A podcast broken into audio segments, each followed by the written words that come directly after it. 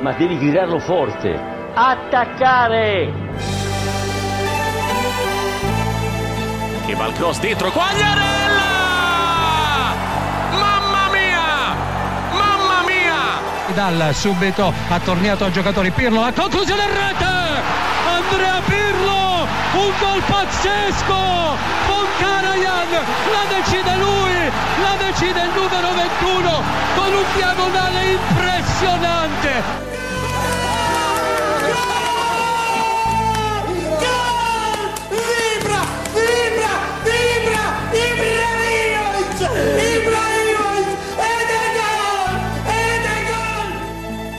Het is 18 mei, 11 uur.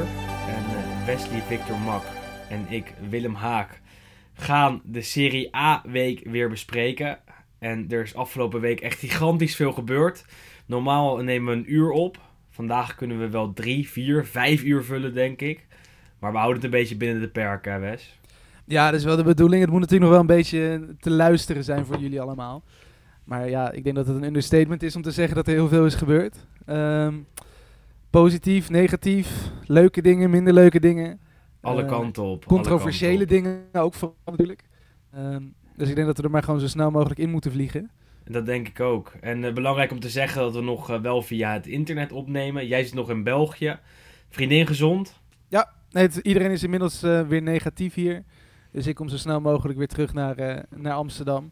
Maar voorlopig, vandaag zitten we nog eventjes via de, de Clean Feed eh, online. Niks mis mee. Kunnen we volgende week wel op het terrasje opnemen misschien. Als het eh, weer lekker weer is. in Wijntje erbij. Ja, niks Klinkt mis goed. mee. Seizoensafsluiter. Ehm, ja, zoals al gezegd, heel veel onderwerpen. Ik bedoel even een klein rijtje opnoemen. Waar gaan we het over hebben? We gaan het natuurlijk over Juve Inter hebben. We gaan het over Goran Pandev op, eh, hebben, die, eh, die gaat stoppen.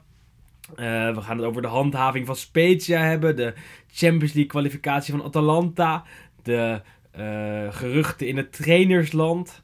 De uitspraken van Milan-trainer Stefano Pioli. Nou, noem het allemaal maar op. Eh, er is echt, echt genoeg. Laten we denk ik wel beginnen bij eh, de hoofdwedstrijd van afgelopen weekend. De strijd om de Champions League plekken is nog hartstikke spannend. Eh, nog steeds eigenlijk. Voorafgaand aan het weekend al helemaal. Eh, toen streden er eh, vier ploegen om, eh, om drie plekken. Ehm, en laten we eigenlijk beginnen bij Juve Inter. Eh, want eh, daar gebeurde het een en ander, hè Wes? Ja, dat was wel de meest eh, spraakmakende wedstrijd, denk ik. Ehm, ja, eigenlijk zoals we vorige week een beetje hadden gezegd, er staat natuurlijk niet echt meer iets op het spel voor Inter. Maar dat was eigenlijk nergens aan terug te zien, want ze, zij kwamen ook gewoon natuurlijk... Nou, maar voorafgaand aan de wedstrijd was het wel te zien. ja, vooraf, eh, voorafgaand aan de wedstrijd was het heel relaxed. Ja, het was heel relaxed was bij bizar. Inter. En, en, want er was de afgelopen midweek was er ook een midweekse speelronde. Met eh, Inter tegen Roma thuis. Ruzie tussen de trainer Antonio Conte en Lautaro Martinez. Martinez kwam er namelijk in, maar werd ook weer gewisseld. Was er niet van gediend. Dus de Italiaanse pers dook er alweer bovenop. Eh, het werd goed gemaakt met een bokswedstrijdje. En Lautaro trakteerde daarna op een barbecue. Ja, met de duurste wijn eh, die je kan hebben van 100 euro. Nou ja, het zal vast niet de duurste wijn die er is. Maar eh, Ja, ze de- drinken goed in Milaan. precies, de Brunello di Montalcino. de- dat zocht iemand even voor ons op op Twitter. Nou, eh, het is een wijn die eh, op Vivino, de Nederlandse app, wel meer dan 100 euro kost. Dus ja. Ja, maar inderdaad, Inter, dat die, is wel die- wat. Inter leefde heel relaxed toe naar de wedstrijd. Maar inderdaad, op het, op het veld zelf, ze speelden wel gewoon met de sterkste elf. Ehm, bij Juve wel weer wat verrassingen dat Kulusevski opeens weer nu in de basis stond. Want volgens mij, volgens mij kwam dat, eh, dat, dat feitje een paar weken geleden voorbij... dat Pirlo nog geen enkele wedstrijd op rij dezelfde elf heeft gebruikt. Nou, dat heeft hij nu dus ook weer niet, eh, niet gelukt. Eh, maar goed, ja, eigenlijk over de wedstrijd zelf. Ik denk dat ja, eigenlijk het grootste deel van de wedstrijd Juve gewoon de be- betere ploeg was. Ehm, alleen, ja, de wedstrijd werd behoorlijk ontsierd door meneer Calvarese. We kunnen het niet over de wedstrijd hebben. Nee, ja, nee, dat is- kan- dat is zonde, want- simpelweg niet. Ja, dat is zonde, want zeker de eerste helft. Ik denk dat Juve echt eh, misschien wel, nou niet de beste eerste helft van het seizoen speelde. Maar ik denk dat Inter heeft nou, praktisch geen kans gehad. Geen goed uitgespeelde mogelijkheid. In de tweede helft eigenlijk ook weinig tot echt de allerlaatste minuten. Maar die hele wedstrijd ja, komt op het tweede plan als je ziet wat er allemaal op arbitraal niveau misgaat. Dat eh, gaat gewoon niet. Dus daar moeten we misschien maar een beetje mee beginnen. Ehm, ik denk gewoon een hoekschop, zoals je er honderdduizenden hebt gezien in een seizoen. Eh, spelers die op een kluitje staan, spelers die elkaar een beetje vasthouden, een beetje duwen en trekken. Zoals je bij iedere corner op aarde ziet. En eh Darmian omarmt Chiellini een beetje. Chiellini valt. Wordt eerst doorgespeeld en daarna wordt hij teruggeroepen door de VAR, Irati. En die zegt, eh Calvarese gaat toch maar even kijken. En die gaat Ja. op de stip. En dan denk je ook van ja, als je hem inderdaad zo ziet en de camera staat erop en het is in slow motion, dan kun je zeggen van ja, goed, hij wordt vastgehouden, je kunt hem geven. Maar ik vind dat ook al zo licht dat je denkt van dit is al honderd keer gebeurd. Eh, Dit is pas, pas episode tegen 1 Inter, van de, tegen van de Juve. gaan komen. Ja. Ja, nee, maar het, het is gewoon heel bizar als je ziet dat hier dan nu opeens wel een penalty voor wordt gegeven. Maar goed, 1-0 voor Juventus, natuurlijk super belangrijk doelpunt. Ehm, een paar minuten later aan de andere kant, balletje gaat richting, eh, richting de achterlijn. Matthijs de Ligt die, die zet een stap en per ongeluk onder zijn stap staat de enkel of de Achillespees van Lautaro. Die gaat liggen en die rolt vervolgens nog een paar keer door. Iedereen ziet dat het een ongelukje is. Calvarese reageert eigenlijk ook eerst op die manier van ja, knullig, maar eh, we gaan weer door. En weer is de VAR daar en die zegt van Calvarese, kom maar even kijken. Ja, die gaat ook op de stip. Dat je ook denkt van ja, het contact is er. Maar ik denk dat iedereen met een beetje eh, ja, voetbalkennis ziet dat er niet eens een, er was niet eens een, een trappende beweging. Het was letterlijk gewoon, hij zette zijn voet neer en per ongeluk stond daar de voet van Lautaro onder. Episode 2. Episode 2, 1-1. Lukaku zijn eerste doelpunt ooit tegen Juventus in de competitie. Ehm, ja, goed, dat was eigenlijk de hoofdmoot van de eerste helft. Totdat in de, wat is het, de derde minuut van de extra tijd Quadrado eh, de 2-1 binnenschoot. Ja. En dat was dus op, op basis van de wedstrijd zelf was het dus wel terecht dat Juve met de voorsprong de rust in ging. Ehm, en dan denk je van, nou goed, tweede helft voor Juve is het vooral natuurlijk zaak om dit vast te houden en geen gekke dingen te doen. Ehm, alleen dan op een gegeven moment, na, wat is het, 55, 60 minuten, kreeg Rodrigo Bentancur. Die geeft een heel klein tikje aan Lukaku. En de scheidsrechter laat weer doorspelen. Bedenkt zich 10 seconden later. Zegt van ja, het was toch wel een overtreding. Dan denk je van nou goed, geef dan die overtreding maar. En dan pakt hij ook nog eens ja. de ja. tweede gele kaart uit de zak. Dus je denkt van ja, dat, dat, dat, dat klopt volgens mij gewoon niet helemaal. Want het was echt totaal geen kaartwaardige overtreding. Was niet echt doorgebroken. Stond nou niet in een, in een hele goede mogelijkheid om vanaf daar te schieten. Ja, het was, dat was echt bizar. Dus die gaat eraf. Bij een stand van 2-1 dus. Voor Toen was het dus nog. nog inderdaad 2-1. Dan denk je van nou goed, het zal natuurlijk nu wel weer misgaan. Eh, want goed, Inter kan natuurlijk eh, ja, nu juist weer het verschil gaan maken. Alleen dat duurde eigenlijk ook nog heel lang. Want misschien zelfs nog de eerste 10 minuten nadat Bentancur eraf werd gestuurd, was denk ik Juve nog steeds gevaarlijker. En op een gegeven moment ging, eh, ging Pirlo weer een beetje vreemd wisselen. Die gooide er opeens allemaal verdedigers op. En die haalde eigenlijk iedereen die een klein beetje snelheid voorin had, haalde die eraf. Tel jij Cristiano Ronaldo daar nog bij? nee, absoluut niet. Maar goed, die werd er wel afgehaald. Maar ja. gewoon zeg maar het hele... Ja, het was echt gewoon... Normaal gezien zou je zeggen, goed, als Inter nu gaat aanzetten, dan ligt er dus ook wel ruimte achter die verdediging. Dan moet je zorgen dat je iemand hebt die daarin duikt. en dan haalde letterlijk iedereen die een klein beetje aanvallende intenties had, eh, haalde die eraf ongeveer. En toen uiteindelijk, eh nou, voorzet vanaf de zijkant. Ik weet niet van wie die, eh, van wie die bal kwam. Eh, en die, weet ik ook niet, nee. duelletje tussen Lukaku en Chiellini. Chiellini tikt de bal langs Chesney, 2-2. Nou, Calvarese heeft weer besloten dat er een overtreding was. Keurt het doelpunt af. VAR komt weer tussen beiden. Die zegt van nou, ik zou toch nog eens kijken, meneer Calvarese. En dat doelpunt wordt meer dan terecht goedgekeurd. Ik denk dat Chiellini en Lukaku ehm, elkaar een beetje vasthouden. Maar het was vooral Chiellini die echt aan Lukaku hing. Dus dat doelpunt was, was meer dan terecht. Dus dat was eigenlijk de derde fout, of tenminste de derde fout. Vierde fout zitten we dan al op Ja, eh, van de arbitrage. episode 4 dus. Dat dat, Dat dat doelpunt dus eerst werd afgekeurd. wedstrijd. Dat Ja. het doelpunt eerst werd afgekeurd. En, en daartussen hebben we nog een, een doelpunt van Lautaro Martinez. Die wordt afgekeurd omdat Ja. Chiellini zou worden geduwd. Eh, En daar was ook is- vrij weinig aan de hand. Ja, en, en dat is ook een typische Chiellini-actie die met zijn handen omhoog het duel aangaat met Lukaku. En op zoek gaat naar de overtreding. En, en die krijgt hij dan vaak. En, en dit keer ook. Maar dat is ook nog wel een kleine episode erbij. Want daarna scoorde Inter. Ja. Maar de Nee, maar absoluut allerlaatste is nog... Ja, dan pak jij maar. De Ja, allerlaatste en, dat, is... Ja. en de allerlaatste dat is natuurlijk de slechtste. Want dan, want dan zit je dus te kijken. Het was volgens mij die die 2-2 was ergens in minuut 2.83. Dus dan denk je van ja, shit. Weet je, gelijkspel is waarschijnlijk niet voldoende voor Juventus. Mochten ze nog hopen op die, eh, op die Champions League.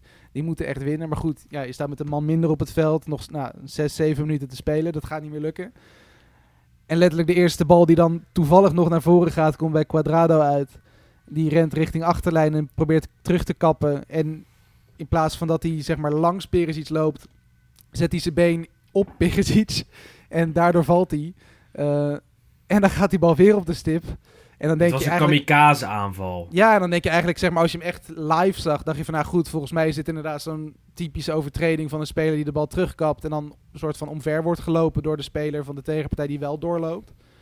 Maar als je dan inderdaad daarna de, de herhaling ziet, dan, ja, het, het is echt belachelijk. Quadrado plant, zeg maar, gewoon zijn rechtervoet volgens mij op de kuit ongeveer van Perisic. Hij rent er gewoon zelf op af. Ja, ik bedoel, het is, hij- het is wat ik zeg, het is een hij- hij rent kamikaze er gewoon- Hij aanval. rent er gewoon in. Die Ja. bal gaat op de stip en daar hoor je dan opeens niemand meer over van de VAR. Van, hey, moet je eens gaan kijken? Want ik denk, dit was een behoorlijke clear en obvious error. Eh, dus dan zou die teruggeroepen moeten worden en dat werd hij dus niet. En eh, ja, bal op de stip, 3-2, Quadrado schiet hem binnen. En dat is dan eigenlijk het, het einde van de wedstrijd. Maar goed, een wedstrijd is niet geweest, want zoals je hoort, het is alleen maar fout na fout na fout na maar, fout maar na fout. Wes, dit, dit kan toch ook niet? Ik bedoel, wij kijken elke week naar, naar veel Italiaanse wedstrijden. Eh proberen het ook in deze podcast een beetje serieus te verkopen. Eh eh, proberen het zo leuk mogelijk te maken. We, we vinden het zelf natuurlijk ook hartstikke leuk, maar het is ook leuk om mensen het een beetje te, te enthousiasmeren. Maar na zo'n wedstrijd is dat toch hartstikke moeilijk. Ik bedoel, je, je kan niemand vertellen dat Juve Inter een serieuze wedstrijd is geweest. Nee, ja, Want dat is, wel had moeten zijn. Want het, is, het, is, eh, het zijn de twee beste ploegen van Italië, normaal gesproken. Eh, eh, de afgelopen eh, in twee jaar in ieder geval, precies. En, en dan kom je met dit, waar het niet tussen twee partijen gaat op het veld, maar het gaat vooral om de scheidsrechter. Ja, eh, eh, sorry, maar dat, dat kan gewoon niet. Dat, Nee, dat, dat is zo'n slecht beeld Absoluut. creëer je dan van de competitie. Eh, Ja, ik denk en- echt dat dit ja. een beetje, het, ja, het was toch een beetje het lachertje van het weekend, denk ik. Want, Van het hele weekend, hè? Van het Europese voetbalweekend. Ja, absoluut. Juve Inter, de topwedstrijd. Eh, eh, Oké, de, de, de FA Cup finale was tegelijkertijd, dus er zullen niet eh, eh, fantastisch veel mensen naar hebben gekeken. Maar de mensen die kozen voor Juve Inter, want er stond nog wel wat op het spel voor Juve. Juve misschien niet eh, zich kwalificeert voor de Champions League.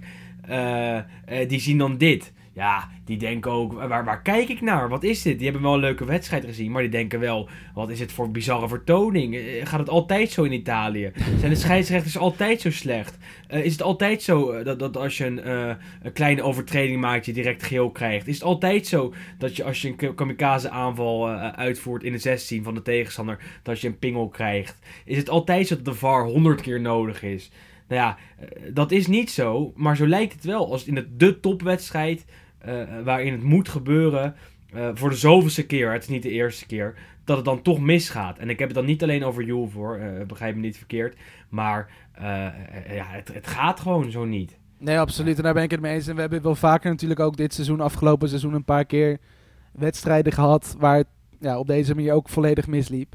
Milan-Roma is nog het is- ergste voorbeeld Ja, maar ook. dit is denk ik wel de grootste wedstrijd natuurlijk waarbij het is gebeurd. En zeker ook vanwege de ja, internationale allure eh, van de Derby d'Italia. Ja, dit is wel echt een, een modderfiguur, een, een, een, figura, zoals ze zeggen in, eh, in Italië zelf. Het, ja, dit, dit was echt... Ik denk voor de neutrale kijker, als je echt niks hebt met Italiaans voetbal... en je hebt niks met Inter en je hebt niks met Juventus... is het... Ja, ik, ik kan me voorstellen dat het best vermakelijk is. Ik zou niet meer kijken. Maar ik zou niet meer kijken. Nee, maar je, je neemt het gewoon niet serieus. Als, als je ziet dat dit het niveau is van een topwedstrijd. En dan niet alleen van de ploegen, want die kunnen er grotendeels weinig aan doen. Maar vooral natuurlijk met die hele chaos. eh, Ja, met, met die arbitrage, met de VAR. Denk je echt van ja, dit is eigenlijk alles wat je niet moet hebben om de Serie A weer een beetje aanzien te geven in, eh, in de wereld. Nou ja, en dan heb je dus later mensen die, die eh, de Serie A nog een tweede kans willen geven. Bij Roma Lazio. Die denken, oké, Juve Inter gezien, leuke wedstrijd. Ik ga Roma Lazio kijken. Nou ja, dat was al helemaal niet om aan te zien. Daar komen we straks nog even op terug, denk ik. Eh, nou ja, dat was echt, echt een, een, een hele slechte wedstrijd, vond ik eerlijk gezegd. Eh, de zaterdag was echt vrij slecht. Wat wel mooi is... ehm, of willen we nog heel even over de woede van Milan en Napoli over Calvarese ja, natuurlijk. praten? Ik denk Ja, dat het eigenlijk eh, wel, ja. meer dan terecht is. Want jij vindt, jij vindt dat ehm, alle fouten in de wedstrijd even zwaar moeten wegen, als ik het goed begrijp. En dat vinden veel Juventini. Ja, ik vind dat niet per se. Maar het is natuurlijk wel raar om te zeggen ehm, dat, dat Juve is bevoordeeld. Als je eigenlijk ziet dat beide ploegen ehm, fouten die geen fouten waren hebben meegekregen en andersom. En het is natuurlijk, krijgt Juventus de laatste. Dus in die zin is dat natuurlijk wel de meest beslissende. Ehm, Daar gaat het mij om. Ja, maar goed, het, het, is, het is gewoon een lastige situatie. Want we kennen natuurlijk het hele omkoopschandaal. En dat is natuurlijk hetgene waar het ja, bij negen, eigenlijk 19 van de 20 ploegen in de Serie A gaat het gelijk daarover. En dat vind ik dan niet terecht. Want eh, ja, als het een omkoopschandaal is en Juve heeft Calvarese omgekocht, zoals je volgens heel veel eh, conspiracy theorists eh, nu hoort, Nee, dan, is, maar, dan is het natuurlijk bizar ja, dat ze ook dingen tegenkrijgen. maar, maar goed, maar dat, is- ja, daar wil ik ook helemaal niet heen. niet naar een dat- nee, dat- samensweringstheorie. dat ben jij inderdaad maar- niet. Maar dat is natuurlijk wel wat je in Italië gelijk hoort. Ehm, maar goed, ja, het is... Ja, ik vind het lastig. En het heeft natuurlijk wel... Omdat die laatste was natuurlijk wel de meest onterechte misschien van, eh, van alle beslissingen die verkeerd gingen. En dat is dan ook nog eens de winnende treffer uiteindelijk. Eh tuurlijk, heeft, tuurlijk heeft dat invloed op een Milan en een Napoli. Maar aan de andere kant heb ik dan ook zoiets van ja... De, de opdracht voor die ploeg is niet gigantisch veranderd. In de zin van ze hebben het nog steeds in eigen hand. Dus Ja, maar dat- daar dus ben ik dan- het niet nee, mee eens. nee, maar dan vind ik het wel makkelijk om dan te zeggen van ja goed, het heeft de hele Champions League eh, strijd, of hoe je het wil noemen, eh, beïnvloed. Daar ben ik niet helemaal mee eens. Want kijk, Juve-Inter staat in de eh 87e minuut nog 2-2. Op dat moment maakt eh Calvarese de beslissing om een penalty te geven aan Juve. Waardoor eh, de Bianconeri nog met 3-2 winnen. En dan heb ik het niet alleen maar over Juve. Maar dan is het gewoon jammer dat, dat die beslissing zo beslissend is. Dat het voor de 3-2 zorgt. Ja, nee, eens, eens, absoluut. En, en dan kan ik me het voorstellen dat als jij Milan-fan bent of, of, of fan van Napoli, dat je denkt: ach nee, ge- eh, eh, gebeurt het weer? Wat, wat is het nou? Wat, wat is het voor scheidsrechter? Wat heeft hij voor invloed op deze wedstrijd? En natuurlijk gaat de gedachte dan eh, naar het verleden van Juve, waarin dat vaker is gebeurd. Ehm, eh, eh, en dat is misschien emotioneel, maar rationeel is het wel. Oké, wij eh, bij Milan hadden aan één punt genoeg gehad om eh, eh, ons te kwalificeren voor de Champions League. Als Juve zich in de eigen voet had geschoten en gelijk had gespeeld tegen een uitgespeeld Inter. Maar Juve wint, dus moet Milan de volgende dag winnen van Cagliari. Hetzelfde geldt min of meer voor Napoli. Die zien die 2-2. Nou, het wordt 3-2 het verandert wel. Want eh, Napoli moet op dat moment eh, eigenlijk allebei de wedstrijden nog winnen om zich te kwalificeren voor de Champions League. En voor die fout is dat niet het geval. Dus daarom vind ik het zo jammer. en ook omdat Juve er wel bij betrokken is. Dat het zo'n invloed heeft op die Champions League strijd. En dat Juve erbij betrokken is. Want dan krijg je al die verhalen inderdaad. Eh, eh, over samenzweringstheorieën. Over, over eh, een scheidsrechter die een beslissing maakt in het voordeel van Juve. En daar gaat het helemaal niet per se om. Het is gewoon een, een schandalige fout. En, en daar maak ik me vooral druk Ja. om. Dat Nee, het een fout is met, met zulke grote gevolgen voor, voor de, het verloop van die strijd om die overgebleven Champions League tickets. Want Milan had al de, de, de poep in de broek praktisch van de zenuwen eh, voor de wedstrijd eh, eh, tegen Cagliari. Dat wordt nu nog veel meer. Nee, maar ja, dat vind, ik ook, Ehm, dat vind ik ook een beetje onzin. Want Milan komt natuurlijk van een 3-0 overwinning op Juventus. Die hebben afgelopen week door de week met 7-0 gewonnen van Torino. Ik bedoel, als er één ploeg redelijk in vorm was, en ook vooral qua, tenminste die zich een beetje vast konden houden aan die recente resultaten, is het Milan. En je speelt dan ook nog eens tegen Cagliari, dat is de nummer 16.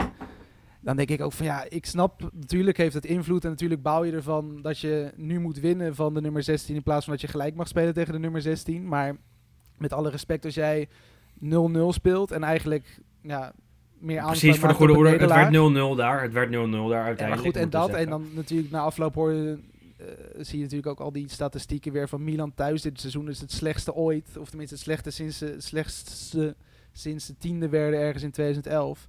En ik ook van ja, weet je, het is natuurlijk ook heel makkelijk om altijd te wijzen naar andere eh, teams. En zeker als Juve is, is dat natuurlijk altijd het eerste, eh, de eerste ploeg waar je naar wijst. Maar goed, ik snap aan, aan, de, aan de ene kant, het is een gigantische fout wat Calvarese daar deed bij die laatste penalty. Maar ik vind dan ook, ja, weet je, Maar dit is als de jij- als- fout, nee, maar dat is het- punt. ja, nee, dat, nee, daar ben ik het mee eens. Maar ik denk dan ook voor Milan en Napoli, als jij de Champions League in wil, dan verandert, denk ik, één punt halen uit de laatste twee wedstrijden of drie punten halen uit de laatste twee wedstrijden verandert dan toch praktisch niks. Anders Nou, dan maak je, als je nou- die laatste twee wedstrijden, als je niet kan winnen van Cagliari, ja, dan verdien je het dan toch ook uiteindelijk niet als je die, eh, om, om die Champions League in te gaan. er er zit misschien wat in. Alleen Milan gaat volgende week naar Atalanta. Atalanta, eh komen we zo nog even over te spreken, eh, is de ploeg in vorm in Italië op dit moment, denk ik. Dus Milan weet dat het vandaag moet presteren om eh, te winnen van Cagliari. Ze moeten presteren. En, en dan eh, eh, ga je de wedstrijd anders in dan als je gelijk spel nodig hebt. Gaan we gelijk door even naar Milan, denk ik. Want het werd daar 0-0. Milan had dan, of heeft nog steeds aan drie punten genoeg om zich te kwalificeren voor de Champions League. Eh Cagliari was al uitgespeeld vanwege resultaten op andere velden. De uh, Cagliari-spelers kregen dat 's middags te horen, omdat eh, eh, Benevento eh, niet kon winnen van 10 man van Crotone, verbazingwekkend genoeg. Ehm, maar goed, eh, ehm, En omdat dus was Cagliari de dag eerder veilig. verloor van, van Spezia. Exact, was, dus, eh, ja. zo is het. Dus Cagliari veilig. Stonden al blijkbaar met, met, met biertjes in het spelershotel. In ieder geval de staf had, had wat champagne gedronken. Want het was alle reden voor feest. Eh, en dan heb je Milan aan de andere kant. Die hadden dus Juve zien winnen van Inter de afgelopen dag. En eh, die, die moesten winnen om zich te kwalificeren voor de Champions League. Al op zondag in ieder geval. Want ze hebben natuurlijk nog een kans tegen Atalanta aankomende eh, zondagavond. Maar ja, de zenuwen waren duidelijk zichtbaar aan Milan kant. Ja, nee, dat, dat was wel duidelijk. En het is natuurlijk vooral lullig als je dan achteraf die verhalen hoort van die Cagliari-trainer van Semplici. Die zegt van ja, wij zaten aan de, aan de champagne. En de spelers die zaten inderdaad aan dat lekkere, wat is dat, die Ignusa geloof Ja, ik, van het Sardijnse ja. bier. Ja, Eh, ja, dus er staan eigenlijk, je speelt tegen ja, elf dronken, dronken tegenstanders. En je wordt zelf bijna dronken gespeeld bij Vlagen, want Milan was echt niet goed. dronken En- van de zenuwen. Ja, en dat ook. En, en ja, dat vind ik. Ja, wat, wat, wat, ik, wat ik net ook zeg. Je, als je niet kan winnen in eigen huis van Cagliari, wat en al veilig is, dus ook niet eens meer ergens om speelt. En voor jou staat alles op het spel. Ik snap dat die zenuwen dan een, een rol spelen. Ehm, maar en daar gaan we dan denk ik nu gelijk naartoe naar die uitspraak van Pioli dan op het einde. Ja, ik, vind ja, het ook zeker. ik vind het ook gewoon een klein beetje, zo'n beetje een small club mentality. Als je niet, eh, als je dan eerder nog met de vinger wijst van, ja, maar Juve is zo gematst. En dan eigenlijk vergeet om je belangrijkste wedstrijd, want dat is het op dat moment, van Cagliari te winnen. En dan dat Pioli dan na afloop begint te zeggen van, nou goed, zelfs als we ons niet kwalificeren voor de Champions League, is dat nou niet echt een schande. We hebben een heel goed seizoen gedraaid. En het was ook niet echt ons doel. En het zou heel erg mooi zijn geweest als het was gelukt. Dan denk je van, ja, ik vind dat dan ook wel een beetje, ja, een, ja, een small club mentality eigenlijk. Dat je denkt van, ja, als je echt een topclub wil zijn, dan moet je en winnen van Cagliari. En dan moet je ook gewoon zeggen van, nou, geen Champions League. Na wat wij nu de afgelopen, nou, wat is het, eh, tien maanden hebben gepresteerd, is eigenlijk gewoon een blamage. Het is super provinciaal van Pioli.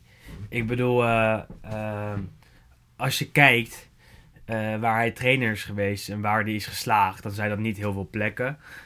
Heeft wel bij Lazio rondgelopen, bij Fiorentina. Eh, bij Inter is hij eigenlijk eh, totaal mislukt. Begon het goed en ging het daarna slecht. En je ziet nu bij Milan een beetje hè, dat, dat het hem toch niet lukt om die winnende mentaliteit erin te krijgen. En dat, dat is heel erg clichématig, denk ik. Eh, maar zo'n uitspraak tekent het wel weer. Want het is natuurlijk een, een ramp als ze zich niet voor de Champions League kwalificeren.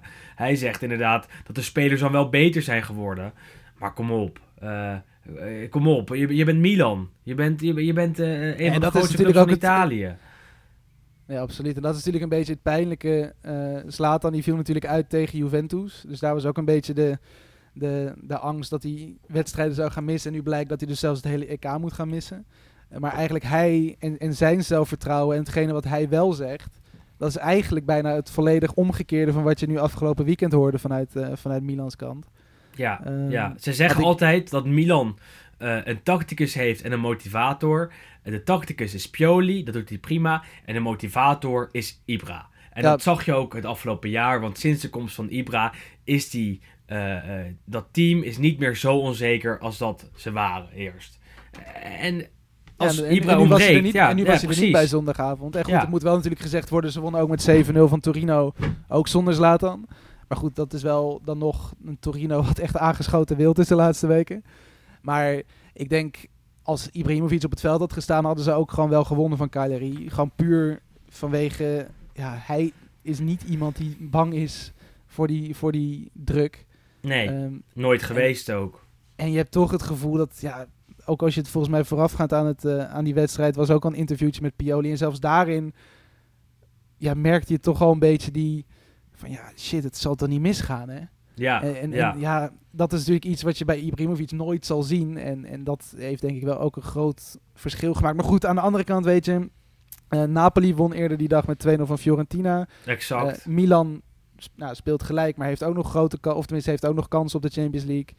Eh, dus het is niet zo dat, dat Juve nu gegarandeerd die, die, die vierde plek pakt. Maar Wat wel is, zo is, Het is natuurlijk wel wat, wat makkelijker geworden dan je eigenlijk had verwacht. Voordat wij vorige week hier met z'n tweeën zaten. je, zag, eh, je zag bij eh, Fiorentina-Napoli inderdaad om half één gespeeld op zondag. Dus ook na Juve-Inter.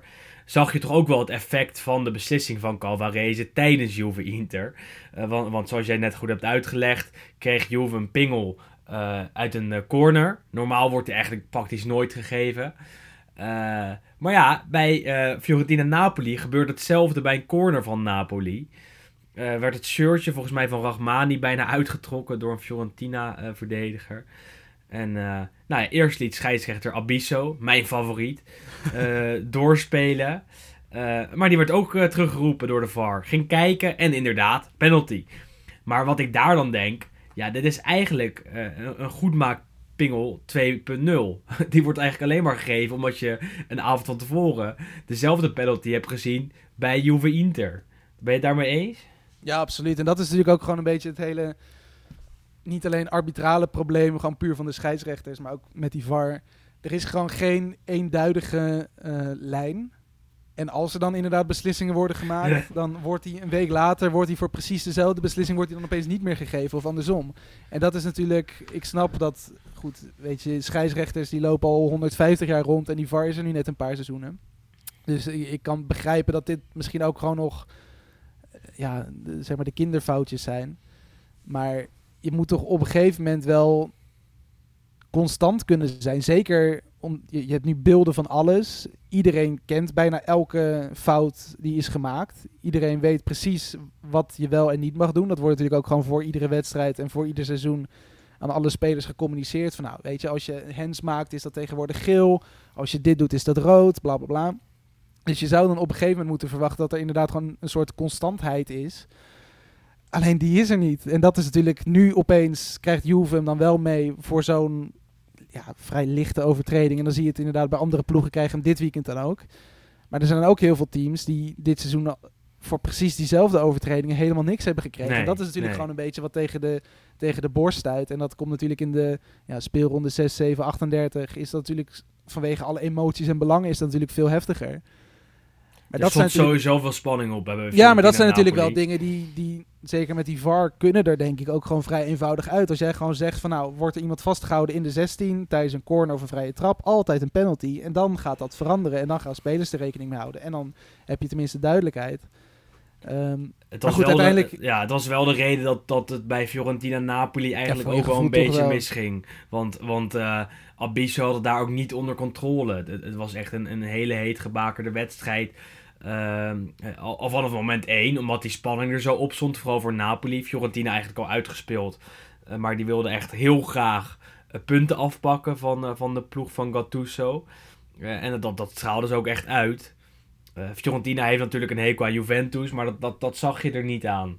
Eh, eh, zo, dat is over andere samenzweringstheorieën ja. gesproken. Ze wilden echt wel winnen van Napoli.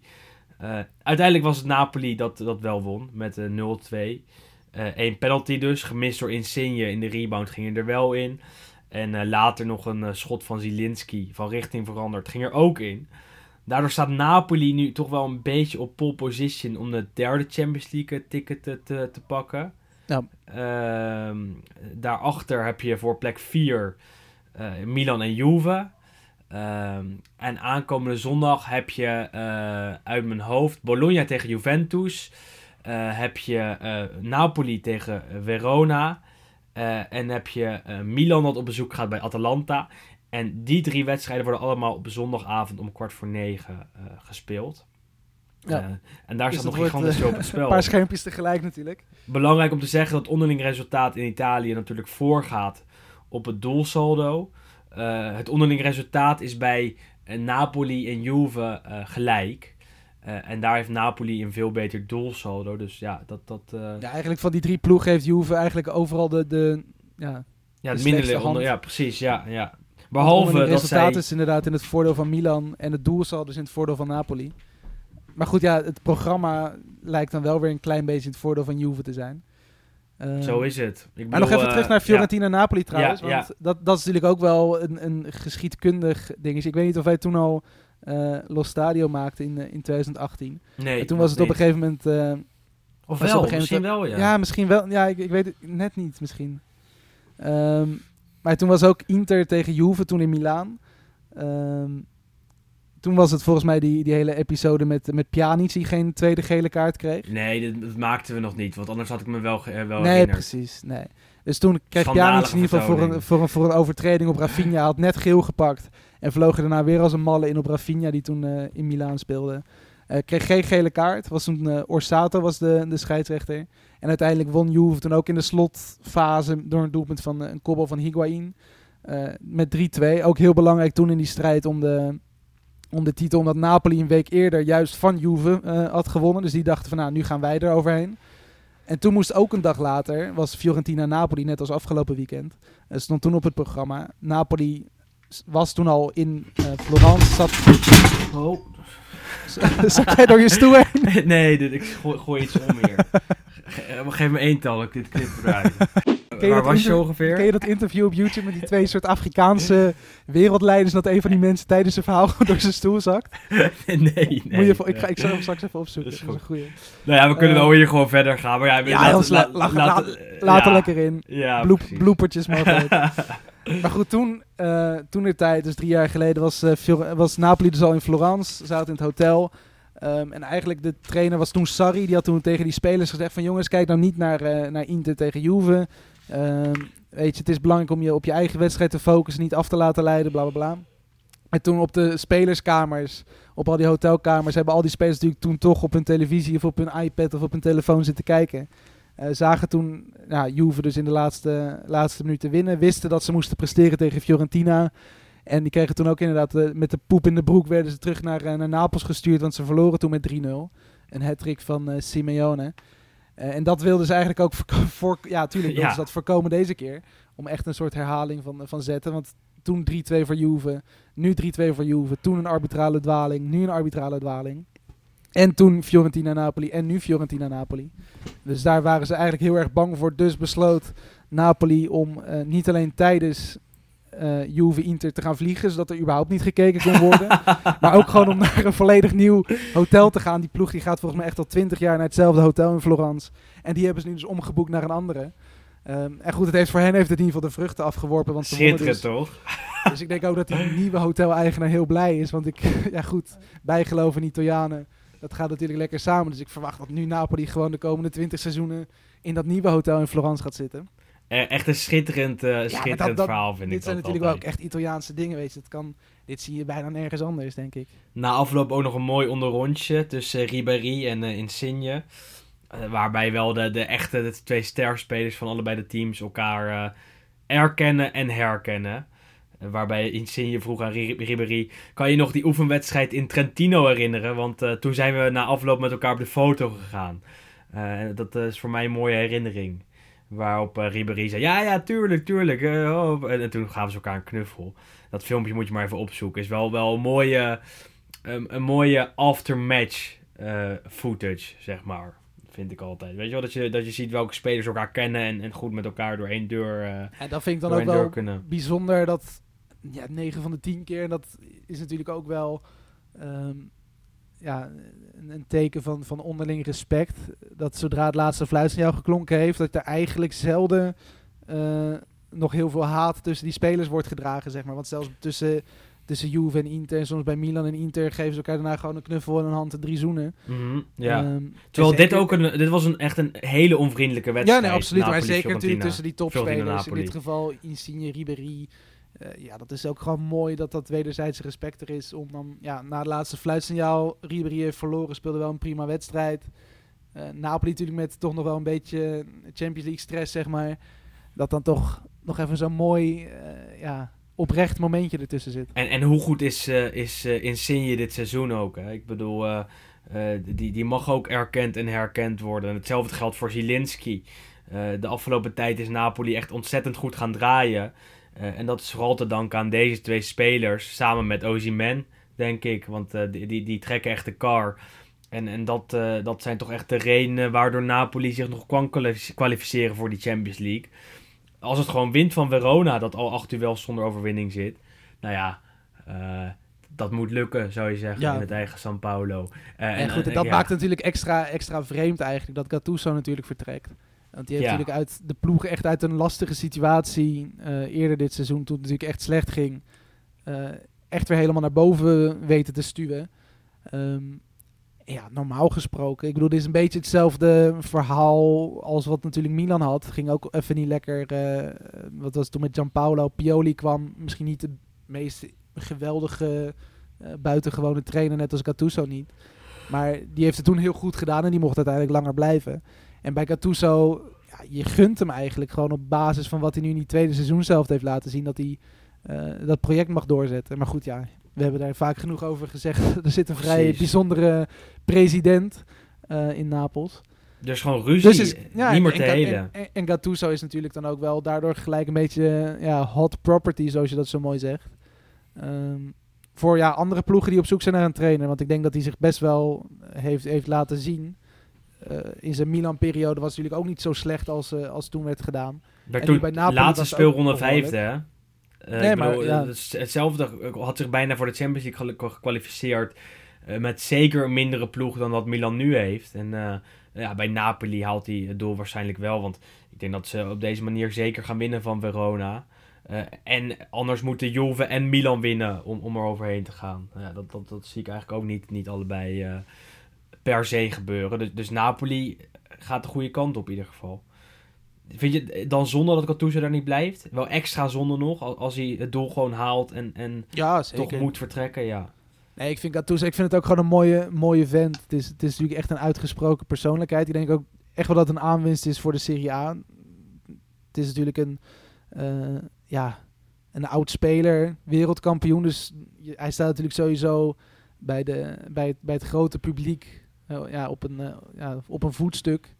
Eh, mede daardoor. Maar het is natuurlijk ook gewoon, ja, wat ik zeg, een uitgesproken persoonlijkheid. Altijd interessante quotes, mooie persconferenties vaak. Ehm, en je ziet ook wel echt dat hij zich heeft ontwikkeld door de jaren heen. Eh, ik bedoel, hij is ooit natuurlijk heeft hij in- op Kreta gezeten, geloof ik, en een paar kleine ploegjes her en der.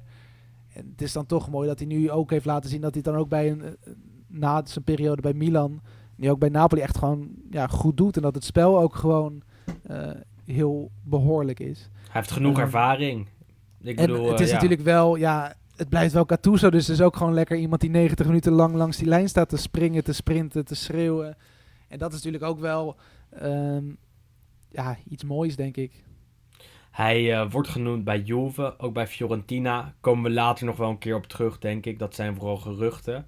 Eh, ik bedoel, eh, ja, Pirlo staat natuurlijk onder druk. Daar worden gigantisch veel namen genoemd. Ook die van Zidane, van Gasperini, van Inzaghi, van, eh, van Lazio. Fiorentina, een beetje hetzelfde verhaal. Jacchini is daar nu eigenlijk een soort van tussenpaus.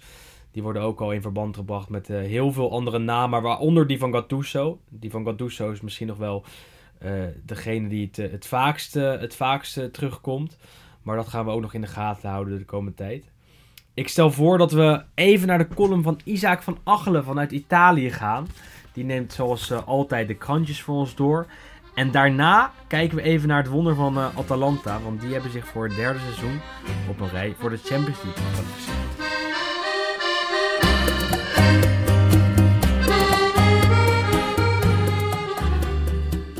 Buongiorno amici sportivi. Het is alweer de ene laatste keer dit seizoen dat ik heel vroeg uit mijn bed moet op dinsdag. Het seizoen is voorbij gevlogen. Ik ben erg benieuwd naar de resultaten van de voorspellingen die we aan het begin van het seizoen hebben ingevuld. Dan denk je een beetje kijk op voetballen te hebben, maar dat kan dan uiteindelijk behoorlijk tegenvallen. Maar ik speel mee om te winnen. En winnen op het voetbalveld is al een tijdje geleden. Ook afgelopen zondag verloren we, voor de derde keer op rij. Deze keer met 1-4.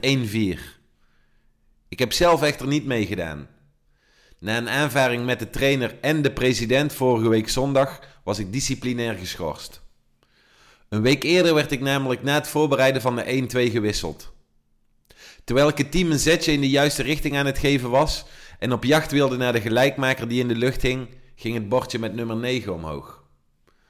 Mijn frustratie kwam naar boven. En terwijl ik naar de kant liep, schold ik de beste man zijn huid vol. In het Nederlands. En toen er naar een vertaling werd gevraagd, was mijn antwoord: Mijn para Hollandese. Toen wilde de trainer dus een statement maken. Olandese, la prossima stai a casa. Prima joh, echt geen probleem. Zijn mijn vrouw en kinderen ook weer blij? En ik heb weer wat te vertellen in de podcast. Het is wat met die trainers. En vandaag in de krantjes staat er weer genoeg voor overzien. Il terremoto delle panchine, zoals de Corriere dello Sport kopt. Juve o Napoli Allegri, decidi. Beslis. La volata per la Champions cambia giochi. Adesso rischia Pioli. Pioli ook niet zeker van zijn baan. Van Gattuso tot de Zerbi en Juric. Er zou volgens de Corriere zomaar een hele mix kunnen ontstaan. Maar Sarri en Spalletti restano ancora in attesa. En Roberto Mancini blijft tot 2026 bondscoach van Italië. Dat betekent dus dat hij naar het EK 2020, WK 2022, EK 2024 en WK 2026 gaat. In de Corriere dello Sport zegt hij: Resto qui per vincere. Ik blijf hier om te winnen. En vanavond om half negen staat Lazio Torino op het programma. De wedstrijd van Simone per Pippo. Als Simone vanavond niet wint, dan degradeert zijn broer. Ook in de Gazzetta dello Sport de meeste aandacht voor een trainer. Zizou Piagitou. Terwijl er hier wordt geschreven dat Real Madrid Allegri benaderd zou hebben met een tweejarig contract à 10 miljoen euro netto per jaar, zou Juventus zijn pijlen gericht hebben op Zidane.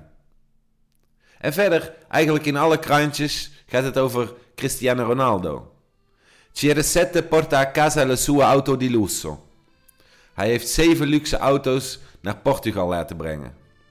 Daarom wordt er natuurlijk meteen gesproken over zijn toekomst. Volgens Tutto Sport heeft dit niets met zijn toekomst te maken. Want CR7 bezit namelijk 24 luxe auto's die tussen Italië en Portugal rondgaan. Nou ja, ik blijf gewoon in Italië dus. Alla prossima.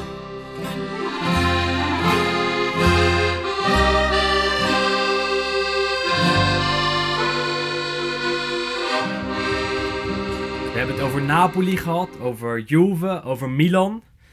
Maar voor één ploeg is het allemaal niet zo spannend meer. Want uh, Atalanta won afgelopen zaterdag met 3-4 bij Genoa. Van Genoa. En uh, kwalificeerde zich voor de Champions League.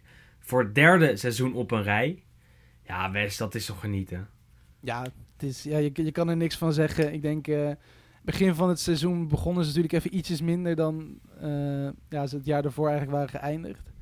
Um, misschien mede door de Champions League wedstrijden door de week, dat ze toen in de Serie A wat puntjes her en der lieten liggen. Maar eigenlijk ja, vanaf het moment dat ze een beetje uit Europa lagen, die hebben, echt, die hebben het echt fantastisch gedaan. En die hebben natuurlijk, dat zeggen we al het hele seizoen, die hebben gewoon zoveel prachtige spelers. En ja, het, het, ik, het, is gewoon het mooiste project, denk ik, van, uh, van de Serie A op dit moment. Wie is jouw favoriet? Ja, ik kan echt genieten van Muriel. We hebben hem vaak natuurlijk al genoemd, maar ja, het, het, is echt een soort wedergeboorte voor je gevoel uh, van uh, Ronaldo, of tenminste de Braziliaanse Ronaldo. Gewoon in heel veel van die kleine dingetjes. Hij is natuurlijk niet zo goed als uh, O Phenomenal. Ja. Maar je ziet heel veel van die kleine technische dingetjes hier daarbij terug. En ik vind bij Muriel vind ik gewoon het mooiste. Het is een spits, maar het is ook een nummer 10. En het is ook een spelmaker. En het is ook een buitenspeler. Ja, dat is wel een, uh, een speler waar ik echt van, uh, van kan genieten. En die hele ploeg, het is, het is gewoon zo knap dat je... Um, echt als provincieclub eigenlijk, want dat, dat is het. Eigenlijk vanaf het Moet moment dat Gasperini vergeten. kwam... Uh, ja, voordat Gasperini kwam was het inderdaad gewoon een ploeg die eindigde ergens tussen plaats 11 en, en 17. En eigenlijk sinds Gasperini er is, is het bijna elke keer is het volgens mij een top 5, top 6 klassering geweest. En nu drie jaar op rij de Champions League voor zo'n kleine club, dat is echt ja, misschien wel de knapste prestatie in het Europese voetbal van, de, ja, van het afgelopen, misschien deze eeuw. Samen met ik. Leicester, denk ik. Ik bedoel, Ja, Leicester, goed, dat was Leicester heeft één- ook goed voor elkaar, maar dat hebben we al vaker de vergelijking geworden, geworden. En die zijn sindsdien natuurlijk... eh, eh, Ja, maar die, die, hebben zich, toch- die hebben zich toch ook zo genesteld in de Engelse top. En, en als je kijkt naar Atalanta, ja, kan je er niet omheen eh, dan te zeggen dat Atalanta op dit moment gewoon een topclub is. Ze presteren constant, zij zijn beter dan eh, ploegen als eh, Milan, Atalanta, Roma en Lazio. Misschien komen ze net iets te kort voor Juve en Inter. Maar, maar ja, eh, ze doen het elke keer. Ik bedoel, als je je voor, de derde, eh, voor het derde seizoen op een rij voor de Champions League kwalificeert, dan is dat echt fantastisch. En dat is gewoon het gevolg van het uitstekende beleid. hebben we ook vaker al besproken, maar als je kijkt naar deze selectie, dan is die zo breed. Ja, dat, dat ik af en toe denk dat misschien wel de, de eh, breedste kwalitatieve selectie is van Italië. Want als je naar al die namen kijkt, zie je de afgelopen tijd dat Ilicic bijvoorbeeld nauwelijks meer speelt. Die wordt gewoon een beetje weggesaneerd praktisch. Eh, maar dan staat er altijd wel iemand anders op. En, en de afgelopen week is dat uh, Malinowski bijvoorbeeld met vijf goals, acht assists in de afgelopen negen duels. Uh, met een fantastisch linkerbeen. Die ook inderdaad na de Champions League uitschakeling is gaan, gaan presteren. Nou ja, dan heb je ook nog Miranchuk, Pessina, noem het allemaal maar op. Hebben we ook vaker gezegd. Maar het kan niet vaak genoeg worden gezegd. Want het is ook fantastisch. Het is ook, het is ook hartstikke goed. En uh, ja, dat zij niet eens meer uh, hoeven te bibberen over de kwalificatie in de laatste speelronde voor die Champions League. Ja, dat is ook gewoon de verdienste van Gasparini. Uh, ja, het, is toch wel het, het, mooiste verhaal van de Serie A van dit jaar, denk je niet? Ja, zeker. Ja, ik denk, het, ik denk het wel. En het is vooral daar ook gewoon knap dat ondanks ehm, het feit dat ze natuurlijk ook af en toe spelers halen die er niet helemaal uitkomen. Bijvoorbeeld Sam Lammers is natuurlijk op dit moment nog niet gelukt kan altijd nog. Maar je hebt wel altijd het gevoel dat er achter iedere aankoop ook gewoon heel erg veel. Um, er, er, is gewoon goed over nagedacht.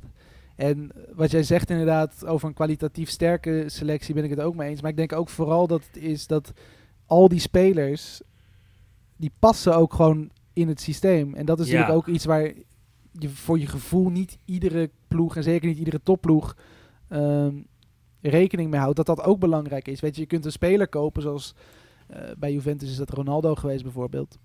Dus als bij je die als. Eriksen. Ja, maar als je die als voorbeeld aanhoudt, dan denk je van ja goed, je haalt een topspeler. In het geval van Juventus was het natuurlijk echt de wereldtop. Bij Eriksen is het gewoon, uh, gewoon top. Maar zonder er echt voor je gevoel heel goed bij na hebben gedacht van ja, wat gaat dat doen voor ons team en hoe gaat hij in ons systeem passen? En is dat inderdaad de beste speler voor ons systeem? Um, en dat zie je bij Atalanta voor je gevoel, zie je dat wel. Die kijken echt van, van nou, wat missen we, wat voor speler hebben we nodig, maar ook vooral qua welke karakter, ja, welk karakter zit daarachter, wat is zijn mentaliteit. Uh, en dat vind, ik, dat vind ik eigenlijk het knapste. En ik denk dat dat ook iets, uh, zeker iets is wat, waar heel veel andere ploegen en ook vooral heel veel andere directeuren, technisch directeuren, uh, ja, van kunnen leren. 100%. Het is ook gewoon het vooruitsorteren, het voorsorteren, het, weten wat er gaat gebeuren en dan al een vervanger in huis hebben in plaats van uh, daarna in uh, paniek te raken. Ik bedoel, Ilicic gaat vertrekken deze zomer, denk ik, maar de vervanger hebben ze al lang en breed in huis. Uh, stel Zapata vertrekt of Muriel, hebben ze met Lammers ook al eventueel iemand in huis. en, en, ga zo maar door. centraal in de verdediging kunnen ze zich ook nog wel wat verbeteren, vind ik. Ehm Alleen. Ja, er zijn, uh, nog steeds, er zijn nog steeds wel verbeterpunten. Maar als je ook ziet hoe uh, Atalanta doorgaans ook in de, in, in, in de jeugdopleiding, dus in de Primavera-competitie uh, doet. Ja, dat is ook gewoon een van de weinige ploegen die zonder al te veel moeite ook gewoon jeugdspelers in kan passen. Gewoon vanwege het feit dat hun niveau al zo hoog is. Zo is en dan, het. En als je ook ziet nu, bijvoorbeeld als je even terugkijkt naar de Serie B en Serie C. Um, ja, 9 van de 10 goede jonge spelers daar, die staan eigenlijk al onder contract bij uh, Atalanta. En die worden aan, alles en iedereen verhuurd. Ja, dat, Atalanta is echt gewoon een voorbeeldclub, denk ik. Let ook vooral op, uh, op Carne Secchi, de keeper van, van Jong Italië. Hebben we ook al vaker gezegd. Dat is echt de man hè, om in de gaten te houden, denk ik, uit de jeugdopleiding van Atalanta. en ook niet te vergeten dat Bastoni, tegenwoordig basisspeler bij Inter, ook gewoon uit de jeugd van Atalanta komt. Hè? Dus uh, ja, overal waar je kijkt zie je die namen. Gagliardini, Cassi, uh, allemaal verleden bij Atalanta. Uh, en ga zo maar door. Als zij iemand kwijtraken, hebben ze de vervanger al klaarstaan. En dat is keer op keer het geval geweest. En telkens, ondanks dat ze iemand kwijtraken... afgelopen winter is dat Gomez geweest natuurlijk, de aanvoerder... Lukt het gewoon om die lijn door te trekken. Ook zonder de speler die ze zijn kwijtgeraakt. En ja, dat is echt fantastisch, vind ik. Want uh, Gomez was, was een van de beste spelers in de Serie A. Als je die kwijtraakt, heb je normaal gesproken uh, het zwaar te verduren. Dan, dan moet je echt iets gaan verzinnen. Dat was bij Atalanta niet het geval, want, want dat vertrek is gewoon fantastisch eh, opgevangen. Ook al speelde die in november en december al niet heel veel meer natuurlijk. Eh, maar Atalanta staat nu tweede, is al gekwalificeerd voor die Champions League. Eh, en dan denk je, ze hebben niks meer om voor te spelen aankomende zondag. Eh, is ook niet helemaal het geval, want eh, plek 2 geeft nog eh 5 miljoen meer prijzengeld dan, dan plek 4. Ja, dat is voor Atalanta toch weer een interessante speler die ze kunnen laten rijpen en straks voor 40 miljoen kunnen verkopen. Dus ja, geen enkele reden om die wedstrijd tegen Milan te laten lopen. En dan hebben we woensdag ook nog de Coppa Italia finale, West. Dus ja, Ja. het is een mooi seizoen voor de Robici. Ja, en goed, het is natuurlijk nog steeds, ze hebben ja, geen prijs gepakt. Eh, dus dat kan natuurlijk nu voor het eerst, eh, ja, kan dat zover zijn. Dus je hoopt, ja, stiekem, goed, als, als Juventus-fan is het lastig zeggen. Dus ik hoop natuurlijk wel dat Juve wint, maar Ik niet. natuurlijk wel, als je, als je mag verliezen van een ploeg en als je het een andere ploeg gunt, dan is het denk ik Atalanta absoluut. Zo En- is het. En ik, en, ik, en ik kan me volledig voorstellen dat inderdaad eh, nou, iedereen die niet voor Juve is, volledig voor Atalanta is. Dat er geen enkele neutrale kijker zegt van nou doe Juve maar dit keer. Ehm, dus dat wordt sowieso een mooie, een mooie pot, denk ik. En ik denk ook gewoon dat Atalanta als, fa- als favoriet die wedstrijd ingaat. Zeker, zeker. Eigenlijk wel. eh, dit is gewoon beter dan Juve. Ehm, nog even bij de Serie A blijvend. Want oké, er is veel, eh, veel beslist. Misschien nog een plekje te verdelen voor de Conference League. Want Roma en eh, Sassuolo strijden daar samen om plek 7. Roma 61 punten, Sassuolo 59. Dat wordt misschien nog spannend, maar ja, niet heel relevant, weet je wel. Ja, het is maar de Conference League. Het zou voor Sassuolo leuker zijn dan voor Roma als ze zich kwalificeren. Maar verder kijkt bijna niemand er naar, naar om. Eh, maar de strijd tegen plek 18 is nog steeds ook gigantisch spannend. Van, vandaag nog, hè, voor de mensen die vandaag luisteren. Want het kan na vanavond wel eens anders zijn. Nou ja, het is Ja. natuurlijk Bizar, heel- toch? Heel, Ja, nee, maar zo, het, is, het is sowieso een heel raar seizoen geweest natuurlijk onderin. Want eigenlijk heeft Crotone het hele seizoen onderaan gestaan. En die hebben dan nu op het laatste moment stijvertje gewisseld met Parma. Wat volledig ook is ingestort. Ehm, we hebben natuurlijk Cagliari een hele lange tijd onder de streep gehad. En die zijn nu dus al veilig. En die konden dus dronken eh, richting San Siro. Ehm, en ja, verder Benevento, Spezia, Torino staan er eigenlijk ook de hele tijd omheen. Ehm, waar nu Torino de laatste twee wedstrijden, wat is het in totaal, volgens mij 11 tegendoelpunten heeft gehad. ja, zeker. ja. En Benevento natuurlijk ook heel slecht eh, draait. Ja, het is, het, het is ja, heerlijk eigenlijk. En, en dat, dat, dat is natuurlijk wel zonde dat die ook op om kwart voor negen spelen aanstaande zondag. Eh, dus tegelijkertijd met de Champions League eh, strijd is dus ook eh, de wedstrijd tussen Torino en Benevento. Wat dus inderdaad beslissend kan zijn eh, in de strijd om, of Maar tegen degradatie. kan zijn, en, en de, de reden daarvoor is dat eh, het duel tussen Lazio en Torino zo laat pas wordt ingehaald. Vanavond namelijk. Dat is een wedstrijd van, van 2 maart uit mijn hoofd, zoiets. Werd afgelast vanwege coronaperikelen. Eh, bij Torino, Lazio wilde wel spelen, kwam opdagen. Is allemaal gesteggel over geweest. Eh, ja, eigenlijk wilde Lazio dit duel niet meer spelen. Wilde dus gewoon een 3-0 krijgen uiteindelijk na echt heel lang gezeur en heel lang, eh, hele lange strijd om eh, deze wedstrijd, toch besloten om hem te laten spelen. Maar pas vanavond, vlak voor de laatste speelronde. Dus Torino weet precies wat het moet doen om eh, handhaving veilig te stellen. En Lazio, aan de andere kant, is al uitgespeeld. Want die zijn al zeker van de zesde plek. En kunnen ook niet meer dalen naar de zevende. Kunnen ook niet meer omhoog naar de vijfde. Dus ja, eh, de, de druk is er bij Lazio wel af. Terwijl Torino aan één punt genoeg heeft om in de Serie A te blijven. En ik vind dat nogal bizar. Want je gaat met, met, met, met de volle strijd erin bij Torino. Terwijl Lazio het, het, het wel een beetje kan laten lopen. Ja, nee, dus goed, dat is natuurlijk ook iets wat, eh, ja, toch ook een beetje de, de Serie A... Ja, het, Kenmerkt, ja. het- ja, het, is... eh, Ja, ik, ik kan heel goed inzien dat jij als, als buitenstaander, als je niet specifiek heel veel met de Italiaanse voetbal hebt en je hoort ook dit soort dingen, denk van ja, die, die competitie is toch gewoon niet echt serieus te nemen. Ehm, enige ja, hoop misschien voor Benevento, want die kunnen dus inderdaad na vanavond kunnen die al klaar zijn is dat de trainer van Lazio is de broer van de trainer van Benevento, de Inzaghi-broertjes. Ja, ja, Ehm, ja. Dus ik ga ervan uit dat eh, Filippo, Pippo Inzaghi van Benevento, vandaag even naar Simone, trainer van Lazio, heeft gebeld. Die zegt van, nou, win toch maar vanavond.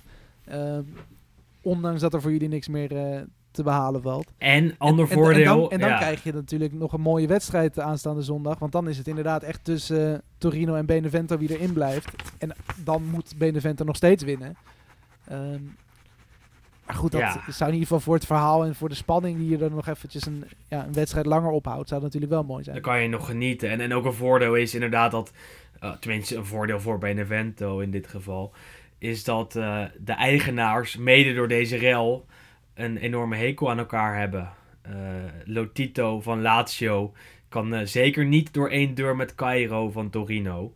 Eh, dus Lotito zal ook nog wel een beetje druk op, uit, op uitoefenen. Dat, dat Lazio gewoon gaat winnen van, van Torino vanavond. En op een akkoordje zal het zeker niet worden gegooid. Dus Nee, en ik dat denk is wel belangrijk om te weten. Als we het dan toch over voorzitters hebben, ik denk dat we natuurlijk in Italië hebben we een paar echte clowns. Dat zijn vooral die van, van Sampdoria en, en Genoa. En je hebt ook echt een paar schurken. En ik denk dat daar natuurlijk zeker Lotito en, en Cairo wel echt ja, ja, tussen bovenaan allebei. Ja. En goed, Agnelli mag je daar tegenwoordig natuurlijk ook bij zetten. Maar ja, dat zijn wel echt de... ja, de bad boys. Die, die, die doen de, alles de om het... mafiosi, zeg maar. Ja. En Cairo ook nog de, de eigenaar van eh, de Gazzetta dello Sport. Dus die kan ook nog een beetje vanuit de media druk op alles uitoefenen. Dus, dus ook vandaar dat die wedstrijd zo laat pas wordt ingehaald. Want, want ja, er was zoveel eh, om te doen eromheen. Ook vanuit Lotito, die dus ook een, een eh, functie als eh, raadgever heeft bij de Italiaanse voetbalbond. Nou ja, allemaal erbij betrokken. Resultaat, Benevento wordt min of meer genaaid. Want die moeten vanavond afwachten en hopen dat Lazio zijn sportieve plicht vervult. En gelukkig voor hen eh, zijn alle ingrediënten aanwezig dat Lazio inderdaad gaat proberen te winnen van, van, van, van, eh, van Torino vanavond. Maar je weet het nooit, weet je. Want ja, ze zijn wel uitgespeeld. Dus, dus een speler die eh, op het veld staat, ja, die voelt de druk toch zeker minder. dan als die wedstrijd, laten we zeggen, een maand geleden was gespeeld. Toen Lazio nog hoop had zich te kunnen kwalificeren voor die Champions League. Is niet gebeurd. Nou ja, resultaat is dat je straks misschien wel een beetje een vervalste competitie hebt. Hopelijk niet, want eh, het zou heerlijk zijn als Torino en Benevento samen strijden om, eh, om een plekje in de Serie A volgend seizoen. En wie, wie verdient het dan meer? Allebei niet, hè? Ja, eigenlijk allebei niet. Maar goed, op basis van wat nou echt een Serie A-ploeg is, zou je dan toch zeggen, nou laat Torino er dan maar in blijven. Maar eigenlijk verdient zeker die Cairo, dus die, eh, die voorzitter, als eigenlijk alles wat daar de afgelopen jaren, seizoenen is gepasseerd qua ja, middelmatigheid. Gun je dan Ja. eigenlijk bijna Torino de Serie B. Zo is aan de andere kant is het natuurlijk ook van ja, Benevento is gewoon echt geen goede ploeg. En ja, die hebben dit seizoen echt amper laten zien dat ze überhaupt het niveau aan kunnen. Dus ja, eigenlijk- je zou eigenlijk zeggen van haal ze er allebei maar uit. maar goed, Ja. dat, eh, dat, dat, kan gaat niet. helaas niet. Nee, maar goed, dat is natuurlijk iets wat jij vorige week al, al aanhaalde. Het is natuurlijk wel, ja, hoe vaker je dit soort seizoenen zo meemaakt, hoe meer je de neiging krijgt om gewoon inderdaad naar 18 ploegen terug te gaan. Want ja, er zit gewoon zoveel Parma, Crotone. Ja, het is, het is gewoon echt niet best. En Nee.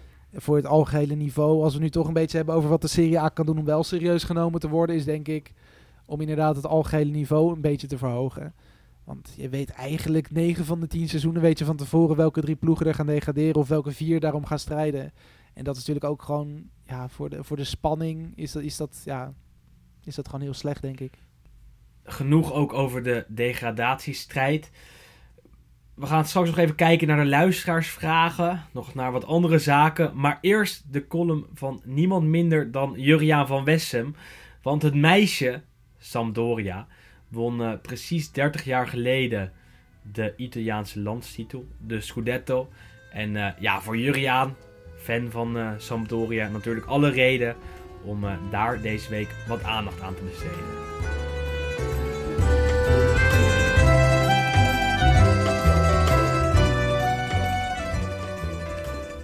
Zal ik het dit keer over iets leuks hebben? Het is deze week namelijk 30 jaar geleden dat Sampdoria kampioen van Italië werd. En gelukkig wordt daar veel aandacht aan besteed in de media, want het was een bijzonder kampioenschap. Een soort afscheid van een tijd waarbij de menselijke maat bepalend was voor het beleid bij de topclubs. Het dagblad La Repubblica spreekt deze week niet voor niets over l'ultimo miracolo, oftewel het laatste wonder. Het verhaal van dit kampioenschap van Sampdoria is vooral het verhaal van een uitzonderlijke groep leeftijdsgenoten die in een paar jaar tijd samen naar de top was gegroeid. Met de aanvallers Roberto Mancini en Gianluca Vialli als meest opvallende exponenten. In dat opzicht lijkt dit verhaal nog op dat van Atalanta. Aanvankelijk was Sampdoria de club die leuk meedeed, maar nooit kon winnen. Totdat de ploeg ook echt prijzen ging winnen. En daarvoor waren twee mensen verantwoordelijk, omdat zij de basis legden voor de successen. Paolo Mantovani was de voorzitter en ook de eigenaar van de club. Hij was een Romein, opgegroeid aan de Via Nicola di Rienzo op een steenworp van Vaticaanstad. Hij kwam in Genua en werd daar een rijk man in de oliehandel. In 1979 nam hij Sampdoria over uit een boedel van een havenbaron bij wie hij het vak had afgekeken en die zijn zakenpartner was geworden. Mantovani was op dat moment ook nog perschef van Sampdoria. Toen hij de club had overgenomen, besloot hij, nadat hij een zware hartoperatie had overleefd, om van de club een heel mooi project te maken. En hij trok zich terug uit het zakenleven om zich volledig op Sampdoria te richten. Hij was bescheiden, haast verlegen en een echte gentleman. Very British. Aan de vooravond van de Scudetto mocht ik hem interviewen. Ontspannen in een polo shirt onder een colbert stond hij met te woord. Vaderlijk sprak hij mij toe na het onderhoud. Als jij een supporter bent, koop je vanaf morgen een kaartje voor de wedstrijden.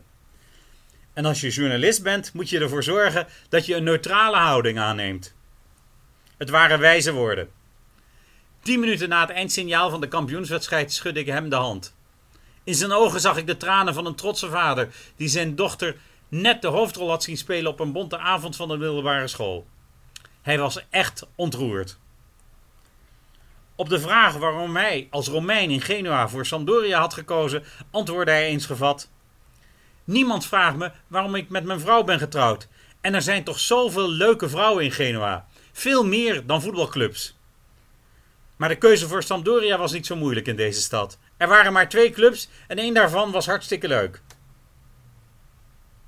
De andere held van deze Scudetto is Vuzadin Boskov. De Joegoslaaf die bij Sampdoria had gespeeld en in die in 1986 door Mantovani voor de groep was gezet. Hij had toen al een enorm verleden als coach achter de rug.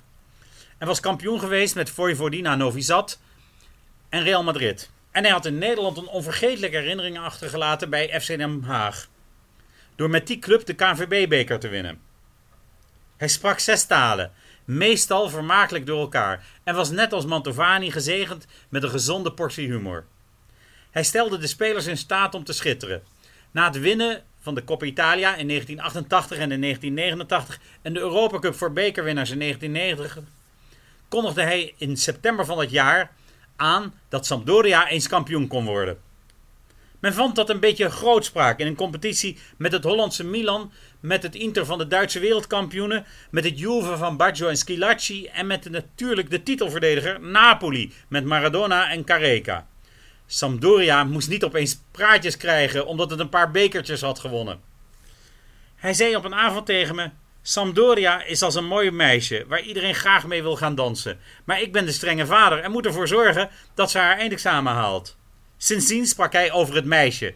En we werden één voor één verliefd. Sampdoria werd Vampdoria. Aanstekelijk mooi. Op 19 mei 91, een Pinksterzondag, was het zover. De straten van de stad waren behangen met slingers in de driekleur van Italië. Zelfs kerkgevels waren versierd. De Braziliaan Toninho Cerezo opende het bal in de eerste minuut in een stampvol en toen nog modern Marassi door te scoren. En opeens was er een grote scudetto van bordkarton. Een mooier gevoel in een voetbalstadion zal niet bestaan. Het was een wonder. Hopelijk niet het laatste wonder, want elke generatie moet zoiets mee kunnen maken.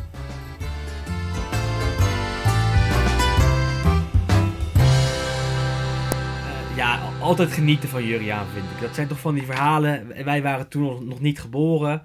Die het uh, Italiaanse voetbal nog extra mooi maken. En die ook deze podcast echt een stuk beter maken.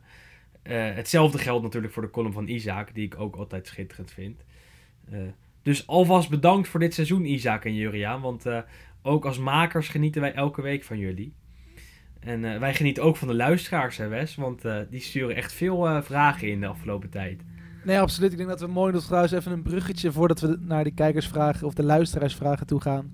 Nog even een bruggetje kunnen maken met dat Sampdoria uit eh 1990-91. Dat mag natuurlijk. Een van de beste spelers daar was niemand minder dan Roberto Mancini.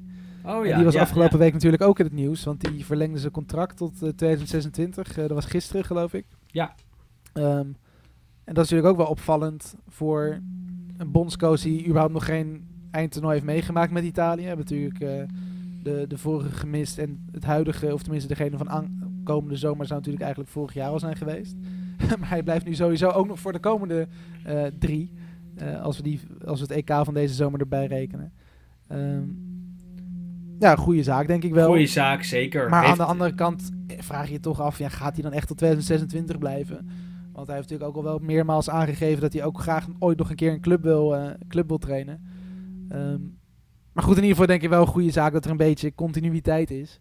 En ik denk vooral dat we heel benieuwd mogen zijn ook naar het Italië straks op het, eh, op het EK. Want ik denk dat de vorige toernooien, ehm, ja, vooral onder Conte, was natuurlijk echt een, een systeem wat het vooral deed. Dat de spelers niet heel veel uitmaakten. Terwijl je toch wel een beetje bij het huidige eh, Italiaanse elftal zoiets hebt van... eh, het, het draait iets meer om de spelers en iets minder om het systeem, zeg maar. Zeker. En, en bij Mancini draait het ook nooit echt om het systeem. Dat is vooral een people manager, vind ik. En, dat Ja. doet hij bij Italië hartstikke goed. Herkent het talent ook fijn. Eh, ze oefenen eerst nog tegen San Marino voor het EK. Daarvoor heeft hij Sassuolo-spits Raspadori opgeroepen. Nou, zulke soort spelers krijgen wel echt vast een kans onder hem. En eh, dat vind ik wel belangrijk. En, en dat krijgt hij wel echt goed voor elkaar. Eh, en, eh, en, en die spelers gunt hij die kans ook. Ook daadwerkelijk op het veld, niet alleen bij de selectie. Eh, en natuurlijk geluk dat Italië op dit moment gewoon een grote aanwas van talenten heeft. Want, ja, en natuurlijk ook in de hele kwalificatiecyclus en alle wedstrijden, de- alle oefenwedstrijden daaromheen. Weet je, ze zaten natuurlijk ook in een vrij ja, eenvoudige pool. Ehm waren natuurlijk al vrij snel zeker van dat ze wel naar het EK zouden gaan. En ik hoorde trouwens nu van de week eh, mijn goede Opta-vriend eh, Jan Bavink. Die, die vroeg eventjes wat eh, informatie over de Italiaanse ploeg. Want blijkbaar hebben zij dus al meer dan 40 spelers gebruikt in de EK-kwalificatie. En dat is het hoogste van alle ploegen die, die dit seizoen hebben meegedaan aan die kwalificatiewedstrijd. Dus dat zegt natuurlijk ook wel iets over het feit dat Mancini en spelers de, ja, tenminste in ieder geval wil laten proeven. Jan Bavink, daadwerkelijk- trouwens, man om in de gaten te houden ook. Ja, absoluut, absoluut. maar nee, dus dat zijn natuurlijk ook wel mooie, mooie dingen. En goed, het grootste deel van die spelers die nu maar één of twee wedstrijdjes hebben gespeeld afgelopen jaar, die zullen ook niet meegaan naar het EK. Maar het geeft wel aan dat je ja, er snel bij zit. En ik denk dat dat ook eh, gewoon een, een positieve zaak is. We hebben in Nederland natuurlijk vaak, als er, weer Ajax een, eh, als er bij Ajax een talent doorbreekt, wordt iedereen gelijk gezegd van ja, die jongen moet in oranje. Ehm, en dat kan natuurlijk wel ook een beetje tegen je werken als je letterlijk drie ballen goed raakt, dat je dan eh, op het hoogste niveau internationaal gezien eh, mag acteren. Maar ik denk dat in Italië ehm, dat het juist wel een goede zaak is om, om ook die verjonging en juist een beetje die, dat doorselecteren eh, ja, op, op die manier aan te pakken. Want je ziet vooral op clubniveau natuurlijk dat het doorselecteren vrij lastig is. En voor je gevoel is dat nu bij de Italiaanse ploeg, na de hele deceptie met eh, onder andere Buffon, Chiellini, die daar allemaal waren, is dat ietsje soepeler gebeurd dan, eh, dan bij de ploegen zelf, bij de clubs. Zeker, al zal Chiellini waarschijnlijk nog wel basis staan aankomend EK. Zijn laatste kunstje. Eh, maar daarachter zitten genoeg namen. Ik bedoel, een- Bastoni staat al klaar om eh, eh, zijn eh, plekken in te vullen. En dat, dat is denk ik voor elke positie bijna zo. Behalve in de spits, want daar blijven ze een probleem hebben. Ehm al is vandaar Raspadori, hè? Precies, ja. En, en een mooie scan natuurlijk ook, die, die het goed doet bij Paris Saint-Germain. Eh mooi skin, mooi scan. Ja, dat, dat, dat is altijd de discussie hoe je het nou moet uitspreken. Het, het, eh, Hij heeft zelf volgens mij tegenwoordig gezegd dat het Keen is. Dus ja, maar het fluctueert wel altijd. Het is elke keer weer anders bij iedereen. Dus dat is, dat is altijd zo moeilijk. Ehm, Wes, we hebben eh, enorm veel besproken. Veel interessante dingen. Sommige dingen ook wel laten liggen. Maar goed, dat, dat, dat hoort er nou eenmaal bij. Het is tijd voor de luisteraarsvragen, denk ik. Want anders gaan we toch naar een podcast van anderhalf uur. Doe jij Twitter, doe ik Instagram weer. Zeker. Nou goed, we moeten het als eerste even hebben over de Serie B-playoffs. Want die zijn ook begonnen natuurlijk. Ja, ook En dat is belangrijk. natuurlijk niet de meest eh, zichtbare competitie, zeker niet in Nederland. Ehm, in Italië wordt natuurlijk wel veel meer gevolgd. Ehm, en goed, we hebben natuurlijk de promovendi hebben we volgens mij twee weken geleden zelfs al eh, besproken. Dat waren natuurlijk eh, Empoli, dat weer terug is aan Salernitana voor het eerst in, wat is het, 22 jaar geloof ik.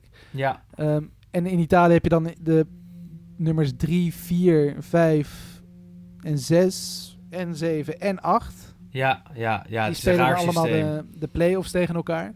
Eh, die allereerste ronde is al geweest. Ehm, en we hebben nu de halve finales waren gisteren.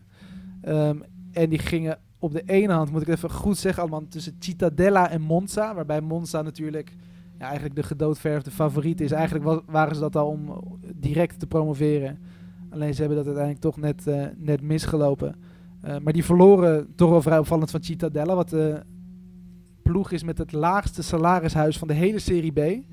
Ehm, en de kleinste ploeg waar een team van Berlusconi ooit... eh, of de kleinste stad waar een ploeg van Berlusconi ooit heeft verloren. Want in Mooi, mooi. Want in Cittadella wonen, hou je vast 20.000 mensen. dus dat is echt een dorp van niks. Ehm, en de andere halve finale ging tussen eh Venetia, toch ook een beetje mijn eh, grote Serie B-liefde, eh, en eh Lecce, wat natuurlijk ook nog vorig seizoen zelfs nog in de, in de Serie A speelde. En die werd gewonnen met, met 1-0 door Venetia, ondanks dat ze eigenlijk met veel meer hadden moeten winnen. Dat shirt, hè. Laten en we vooral eer- het dat is- shirt. Maar dat is, dat is gisteren werd het op Twitter gegooid, ook door jou, maar ook door andere mensen.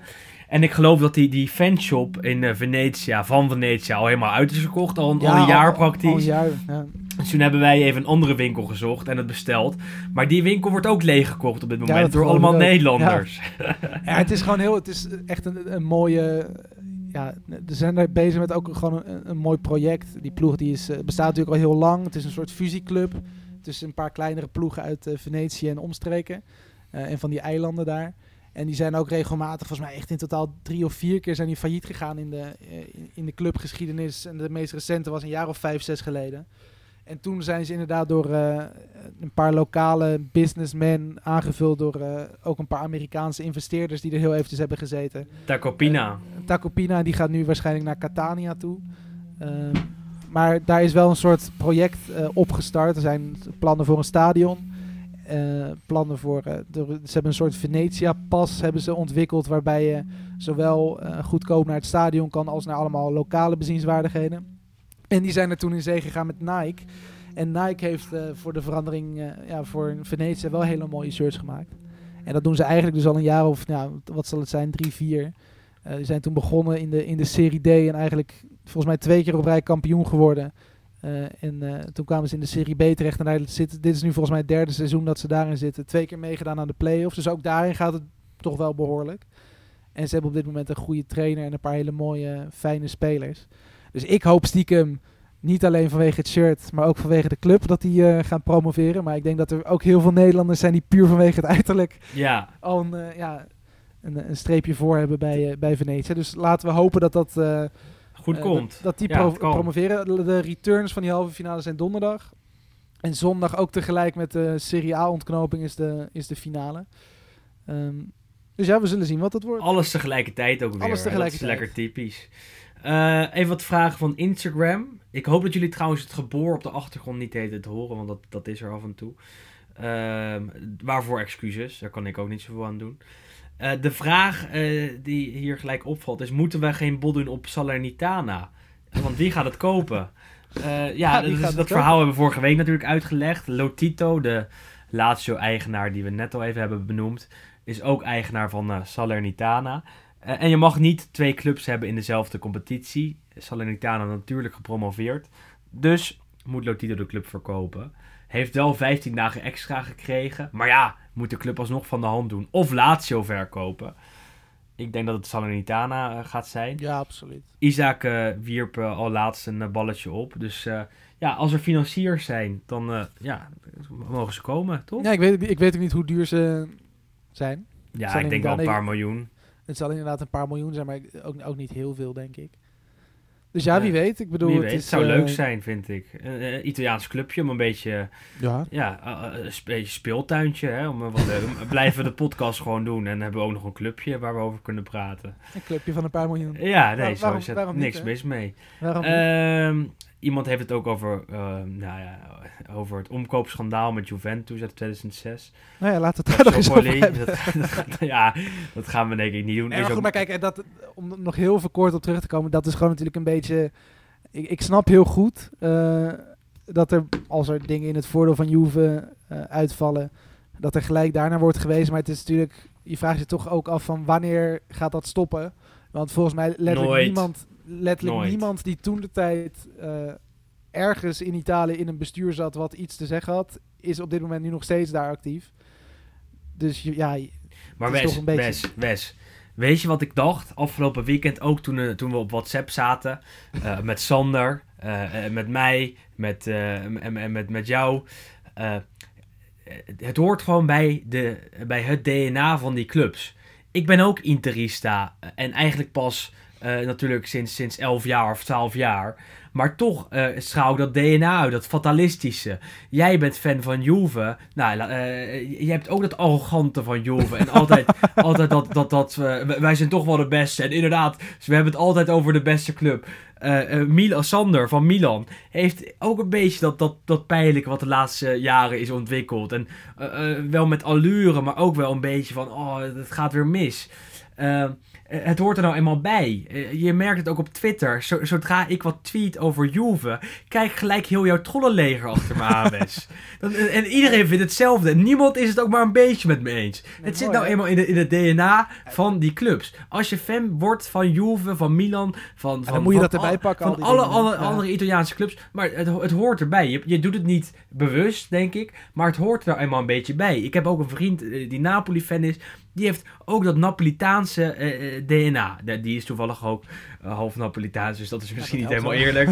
maar je, je- het, hoort eenmaal bij het fan zijn. Bij het tifoso zijn van een Italiaanse club. En het zal altijd blijven dit. Het is iets wat, wat in de voetbal heritage van Italië is geworteld. Juve wordt altijd bevoordeeld door de scheidsrechter. En zodra dat weer een keer gebeurt, nou ja, dan hebben we het er weer over. En dat zal de komende 10 jaar blijven. Langer. Ja, langer. 20 Nee, jaar, en 30 dat, jaar. Dat, dat is natuurlijk ook wel de charme van het voetbal, maar ja... Dat was toch ook al zo voor, voor 2006? Eh, Ja, Toen werd. Juve ook al bevoordeeld Ja. door de scheidsrechter. En het ging ook al vaak over niks anders dan over Ja. de scheidsrechter. dus ja, het, het hoort er nou eenmaal bij. En je zal En- altijd de Interista, Milanista, Napolitaan, eh, eh, Romanista, noem het allemaal op, zullen horen over eh, een scheidsrechtelijke dwaling als Juve weer een keer de voorkeur, eh, voorkeursbehandeling krijgt Rigore per la Juve natuurlijk. Ja, hè. zo is het. Het hoort Je, je hoort het volgens mij zelfs. Ik, ik, ik heb dat stukje nog even. Ik heb die. Niet de highlights, maar nog een, een langere samenvatting van, die, van Juve Inter nog even teruggekeken. En volgens mij net voordat Inter die penalty kreeg, hoorde je ook iemand vanaf de bank van Juve roepen. eh, maar het was toch altijd rigore per la Juve. En dat zijn Ja. natuurlijk ook dingen dat het zelfs onder de- ja, bij die spelers leeft dat ook. En, en nu gisteren trouwens, want die laatste wedstrijd van Juventus die ze dus moeten winnen, is op bezoek bij Bologna. Speelde dus gisteravond nog met 2-2 gelijk bij Verona. Eh, twee spelers die daar op scherp stonden waren Dijks en Soriano. En je hoort gelijk alweer alle Milanisti en iedereen die nog de Champions League tickets kwijt kan raken. Hoorde je zeggen van ja, schandalig dat juist die twee spelers dan nu geel pakken. dan zijn die geschorst tegen, tegen Juventus. Weet je, dat zijn... En Mihailovic zei al wat, en die zei ook eh, bij de persconferentie: als we zullen wel weer een slechte scheidsrechter sturen, weer zo'n amateur. Dus ja, Ja, die- die speelt allemaal. Die zei zelfs al nog voordat eh, de, de, de tijdstippen, de aftraptijden werden bekendgemaakt. Zei hij over, nou, als we op maandag spelen, gaan wij gewoon lekker met vakantie en dan geven we hen een 3-0 overwinning. Dus Ja. het, het- het- ja, het speelt allemaal. Het- speelt gewoon- allemaal. Dat is wel echt het, mooie van die Serie A. Maar laten we in ieder geval hopen dat en komend weekend en volgend seizoen... dat we in ieder geval niet meer met eh, onze Serie A mond vol tanden staan. Maar dat het ook gewoon inderdaad allemaal wat serieuzer en wat, eh, wat beter wordt aangepakt. Zeker. Eh, De meeste vragen van Instagram hebben we al behandeld. Ik wilde nog twee dingen noemen. Goran Pandev maakte vorige week bekend te gaan stoppen. En dat is natuurlijk eeuwig jammer. Ik noem hem altijd onsterfelijk, maar ja, het is toch ook een van de spelers die de Serie A kleur geeft. Maar hij, heeft, hij was Eh. niet heel expliciet, hè? Nee, Maar maar, het- ik, het leek- ik kon het het, leek er- het, het leek Ja, er wel op. Het lijkt er in ieder geval op dat hij weggaat bij Genoa. Ja, Maar hij heeft natuurlijk in eh, Noord-Macedonië heeft hij nog zijn eigen ploeg. ja dat kan het zou- ja, het dat zou is me toch niet- het relatief zou- stoppen. Nee, maar ja, natuurlijk. maar ik bedoel, het zou me niet verbazen als hij zegt... ik doe daar nog één seizoentje als een soort trainer. Ja, dat Speler- is. Ja. Ja, Oké, hij stopt met het Italiaanse voetbal. hij gaat weg bij Genoa, speelt het EK in ieder geval nog met Noord-Macedonië. En, dan Nederland. tegen Nederland inderdaad. En dan is het kijken wat, eh, wat het plan is. Hij gaat in ieder geval weg bij, eh, bij Genoa. En we hebben de rage van Rocco Comiso nog niet, eh, nog niet behandeld. en dat is, die moet je maar even terugkijken op, op een van onze Twitter-kanalen. Want dat is een van de beste pers persconferenties die het afgelopen jaar in Italië op voetbalgebied is georganiseerd. Want eh, hij eh blamede iedereen voor de slechte prestaties van Fiorentina, behalve zichzelf. En was echt En vooral de, vooral de journalisten, dat is natuurlijk wel bijzonder. Kijk, ik snap best eh, dat het frustrerend is dat ja, als jij de krant openslaat, dat je een negatief stuk leest over Fiorentina. Maar aan de andere kant denk je dan ook van ja, wat verwacht je dan? Ik bedoel, ze staan, nu staan ze weer nou, praktisch, nou, ze staan boven de streep natuurlijk, maar het is weer een heel matig seizoen. Staan nu op dit moment dertiende, maar echt maar zeven punten boven die eh, degradatiestreep. Dus ja, je, ja, ik weet niet hoe het in Amerika gaat, normaal gezien, qua kritiek op, op, op sportploegen. Maar ja, ja. je mag toch kritiek verwachten. En hij viel nu volledig de, de journalisten aan. De journalisten kwamen er eigenlijk niet eens meer aan, aan bod om iets te zeggen. En op, op het eind van die mute-knop was natuurlijk eh Schitterend. ja, Maar televisiemoment hij- van het hij- jaar. Hij doet me een beetje denken aan Ted Lasso. Dat is een televisieserie van een Amerikaanse coach die, die in Engeland gaat trainen. En eh, ja, eh, Rocco Commisso is een beetje hetzelfde. Is, is een soort van een onwetende Amerikaan. Komt in Italië en weet niet wat hem gebeurt. Want de pers is, is altijd kritisch. Hij kan niet zomaar een nieuw stadion bouwen. Hij wordt tegengewerkt door de gemeente. Dat heeft hij in Amerika nog nooit meegemaakt. Nou ja, dan kent hij Italië nog niet. Want eh, ja, dat gebeurt aan de lopende band. Zelfs in Florence. Ehm Wes, dat was hem voor deze week. Ja, we moeten nog voor. één dingetje, nog even, Ja, dat alleen, mag. nog, alleen nog een pluim. Een pluim voor Spezia. Ja, Want oh jezus. Ja, die zijn... 100%. Ja. Als ja, ook een van de ploegen met de laagste salarishuis van de Serie A. Tijdens een debuutseizoen in de Serie A. eh, een wedstrijd voor het einde zijn die al zeker van handhaving. En dat is natuurlijk super knap. En ook nog even dus een extra pluim daarvoor. Omdat die de dag nadat zij dat voor elkaar kregen. Dus dat was eh, zaterdag 15 mei. eh, stonden ze op geen één van de voorpagina's van de Italiaanse kranten. ja, eens. Volgens mij, En- stond ze, en- volgens mij stond ze alleen op de Corriere dello Sport in een heel klein hoekje. Omdat natuurlijk alles over Juve Inter ging. Dus nog even een extra puntje van aandacht voor worden ze, worden ze hier ook nog eens vergeten. Het spijt me Ja, daarom. Dat is, eh, ja, er is zoveel eh, gebeurd afgelopen week. Dat het, eh, dat het makkelijk is om iets te vergeten. En ook nog een van de meesters van de Italiaanse muziek is vandaag of vannacht overleden. Overleden. Franco Battiato. Moet je het ook zeker. Nou ja, dit laten we eruit. Nee, maar ik vind dat dat... Ja, dan mag dan mag, in. nee, Ja, dan, dan moet er, dan moet er Dan moet er dat ook in. Franco Battiato is wel een van de... Battiato, precies. Echt een Dat is- cantautore. Dat is een, eh, een singer-songwriter. Een heel bekende. Een van de, ja, echt een van de muziekmeesters van Italië. En als jij volgens mij... Ik weet niet, heb jij dat gekeken? Casa de Papel? Op Netflix? Eh, deels heb ik Want in gekeken. seizoen 4, op een gegeven moment is er een, een, een trouwerij. Ik ga niet spoileren. Maar op een gegeven moment wordt daar onder andere eerst Ti Amo wordt er gezongen. En daarna hoor je een liedje van eh, Franco Battiato. Ja. Dus in de moderne televisie-media landschap is, het, eh, is die ook nog wel redelijk bekend. Mijn favoriete nummer van hem, La Cura.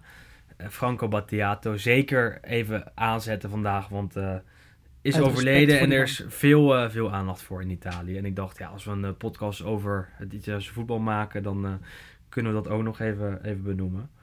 Ehm, Wes, bedankt voor je virtuele aanwezigheid weer. Graag gedaan, jij ook. En we zien elkaar volgende week hopelijk in het echt weer terug. Misschien niet, maar dat eh, zien we dan wel weer.